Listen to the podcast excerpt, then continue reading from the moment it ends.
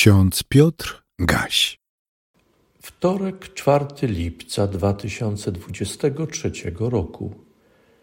W księdze Izajasza w 26 rozdziale, trzecim wersecie czytamy: Temu, którego umysł jest stały, zachowujesz pokój.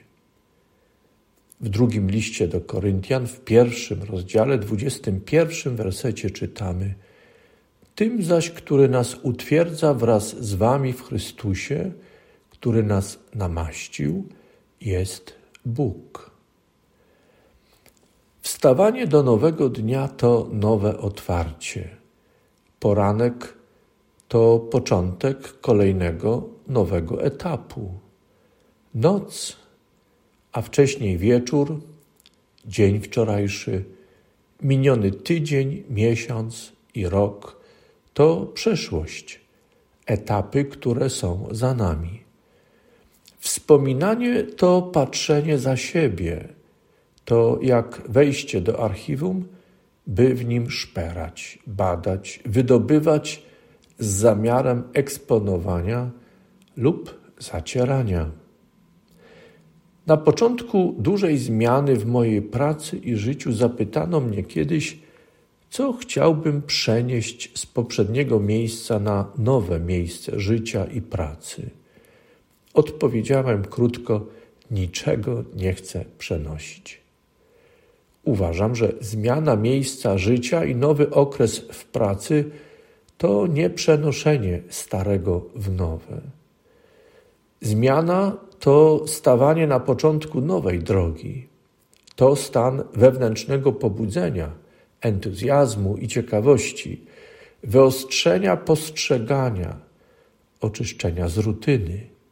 Zmiana to rezygnacja z komfortu zasiedzenia na rzecz nowych doświadczeń, odkrywania nowych przestrzeni, nieznanych miejsc i ludzi.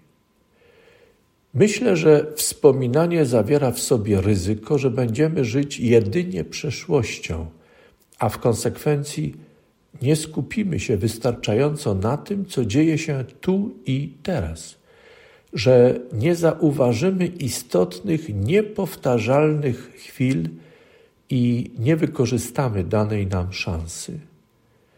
Myślę też, że skupianie się wyłącznie na teraźniejszości też jest ryzykowne. Całkowite odwrócenie się od naszej przeszłości to przecież zaparcie się własnej drogi, wypieranie własnych słów, myśli, emocji. Uważam, że to nie jest roztropne. Nie chcę przenosić starego na nowe. Życie nie jest kopiowaniem. Codziennie stajemy, żeby nie tylko odtwarzać, ale także, a może przede wszystkim, żeby tworzyć. Stwórca podzielił się z nami twórczą mocą, abyśmy z radością tworzyli. Wolno nam żyć i tworzyć. To jedna z najwspanialszych refleksji w naszym myśleniu. Współcześnie wiemy więcej o zdolnościach człowieka związanych z myśleniem wiemy więcej niż wiedzieli ludzie przed nami, chociażby w okresie działalności proroka Izajasza. To jednak nie znaczy, że my wiemy wszystko, a oni nic nie wiedzieli i że my jesteśmy mądrzejsi od nich. Wiemy więcej o naszym mózgu, ale ta wiedza nie czyni nas bardziej roztropnymi i mądrzejszymi. W dziękczynnej pieśni Izraela z której zostało wyjęte hasło na dzisiejszy dzień, tak śpiewano. Temu, którego umysł jest stały, zachowujesz pokój, pokój mówię, bo Tobie zaufał. Ufajcie po wsze czasy Panu, gdyż Pan jest skałą wieczną. Tyle cytatu z pieśni dziękczynnej Izraela. Co znaczą te słowa? Zaglądając do starego tekstu pieśni z księgi Izajasza i szperając w archiwum ludzkich doświadczeń, chciałbym przypomnieć wyznanie wierzącego Augustyna, biskupa Hippony. który zwracając się do Boga, tak napisał w swoich wyznaniach: Stworzyłeś nas jako skierowanych ku Tobie, i niespokojne jest serce nasze, dopóki w Tobie nie spocznie. Kochani, każdy dzień jest zmarnowany, jeśli nie przeżywamy go zwróceni do Boga. Wcześniej czy później tracimy orientację w życiu, jeśli Bóg nie jest w centrum naszego myślenia, nie pozostaje skałą odniesienia w naszych sprawach. Sięgamy w naszych rozważaniach do archiwum ludzkich doświadczeń, ale myślenie o Bogu nie cofa nas w czasie.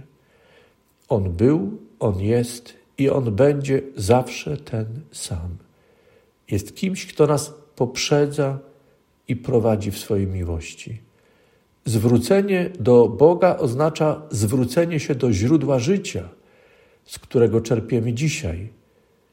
Będziemy czerpali jutro i czerpiemy wieczności. Apostoł Paweł przypominał zborowi w Koryncie, że Bóg wybrał nas, umiłował i przysposabia w naszym życiu, abyśmy byli zdolni Jemu, Bogu, służyć.